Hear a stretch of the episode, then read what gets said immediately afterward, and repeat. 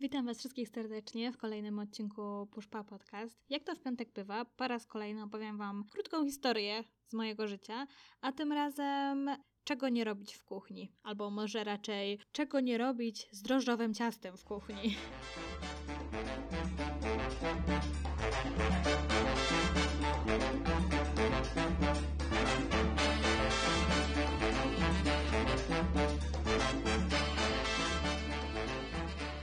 Swego czasu, szczególnie w okresie świątecznym, czy to było Boże Narodzenie, czy Wielkanoc, miałam możliwość, jako że ja uwielbiam piec, to zawsze było to dla mnie świetna okazja, żeby popiec i zarobić też trochę pieniędzy. Ostatni raz z tego co pamiętam, piekłam tak na sprzedaż przed moim Erasmusem jeszcze. To musiał być 2016, może 15 rok.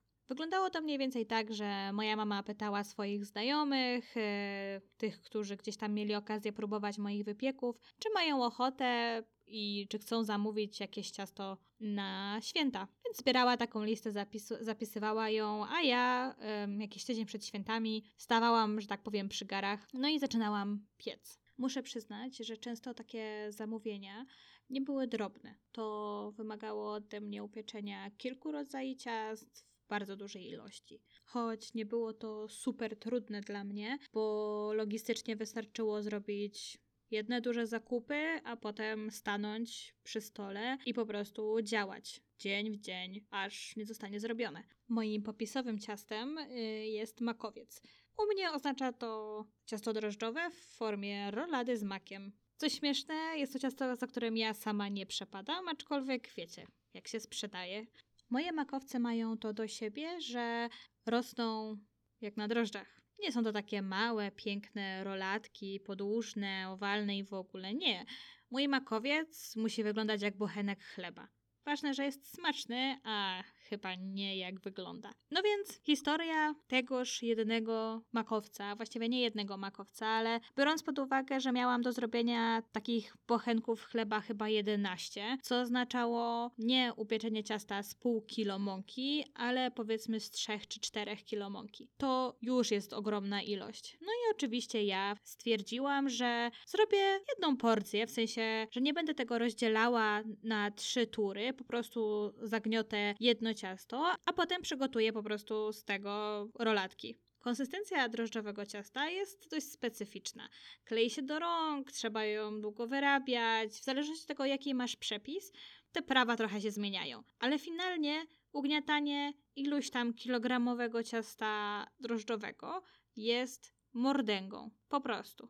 No ale przecież chciałam sobie ułatwić. W międzyczasie y, moja mama wrzuciła mi takie hasło, żebym może gniotła je partiami. Jakby to miałoby sens od początku. No więc brałam kawałek, gniotłam i wrzucałam do miski obok. I w tym procesie po prostu z jednej miski przerzucałam tymi kawałkami do drugiej, tak żeby potem mieć tej jednej już całość w miarę wyrobioną. Myślę jednak, że nie powiedziałam najważniejszej i kluczowej rzeczy w tej historii, a mianowicie było to dzień przed świętami jako że piekłam cały tydzień, no to też wszystkie rzeczy takie świąteczne dla nas nie zostały przygotowane. No więc jest dzień przed Wigilią, ciasto jest już wyrobione. Biorę tą jedną miskę i chcę w jakiś sposób przełożyć z tej lekko mniejszej miski do większej miednicy. Jako, że ta miska jest strasznie ciężka, nie mogę jakoś jej złapać dobrze jeszcze ublepionymi od mąki i tłuszczu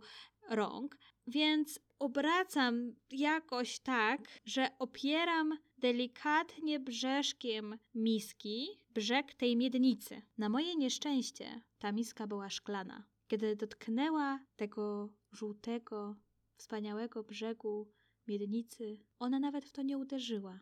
To było dotknięcie niczym piórko czegoś tam dotyka. Roztrzaskała się w drobny piach, który przykleił się do tego ciasta. Myślałam, że się popłaczę i umrę tam razem z tą miską, razem z tym ciastem, tymi drożdżami, tym wszystkim, co włożyłam, że tak powiem, w to ciasto. Siadłam sobie i nie byłam w stanie nawet płakać. Byłam tak zmęczona, byłam tak zawiedziona i nieszczęśliwa, że sobie siadłam i nie wiedziałam, co mam robić, co powiedzieć. Moja mama, jak to zobaczyła, to dostała takiego samego szoku jak ja. No i czułyśmy się bardzo bezradne. Podejrzewam, jakby teraz z perspektywy czasu, że może przez to, że była myta w zmywarce bardzo często powstały jako jakieś mikrouszkodzenia. Ja po prostu tego feralnego dnia musiałam jej użyć i ona po prostu tak pięknie w piasek, taki drobniutki się rozpadła. Nie było mowy o pieczeniu czegokolwiek tego dnia. Najbardziej czego było mi może nie tyle przykro, co czego się obawiałam, to fakt, że byli ludzie, którzy liczyli na mnie i na to ciasto, tak? Sami nie piekli, żeby zamówić u mnie. Jednak owszem, dzisiejsza historia kończy się happy endem. Moja mama powiedziała, że dzisiaj już z tego nic nie będzie. Zarządziła spanie. I jedyne co zrobiłyśmy, to stwierdziłyśmy w takim razie, dobra, to jutro no nie mamy innego wyjścia, jak wszystko zrobić rano. Jedyne co możemy zrobić teraz, to po prostu użyć przepisu, w którym ciasto rośnie od 5 do 6 godzin, więc akurat przez noc miało na to szansę, bo jakby to się nie stało o godzinie 12, tylko to się stało już koło godziny pierwszej w nocy. To była katastrofa, po prostu katastrofa. Można powiedzieć, że poszłam spać i obudziłam się świeża i wypoczęta, chociaż tak nie było. Jednak to, że ciasto wyrosło, podeszłam do, że tak powiem, jego ugniecenia w trochę inny sposób, nie używając już szklanych misek.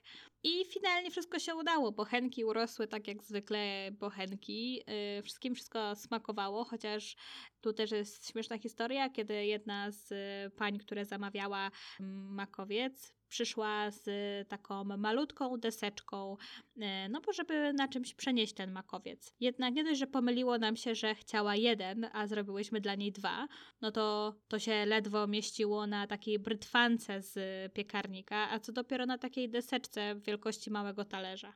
Jednak z każdej sytuacji jest jakieś rozwiązanie. Czasem po prostu trzeba dać sobie chwilę, żeby ochłonąć i zastanowić się nad tym, jak to rozwiązać, żeby było jak najlepiej. Nie ma co wpadać w jakiś szał, chaos i przeżywać. Po prostu trzeba zakasać rękawy i znaleźć jakąś odpowiednią drogę. Mam nadzieję, że ta historia rozchmurzyła Was po tym zabieganym tygodniu i sprawi, że przyjemniej zrelaksujecie się w ten weekend. Życzę Wam zatem wspaniałego weekendu i słyszymy się już w poniedziałek o 19. Do usłyszenia!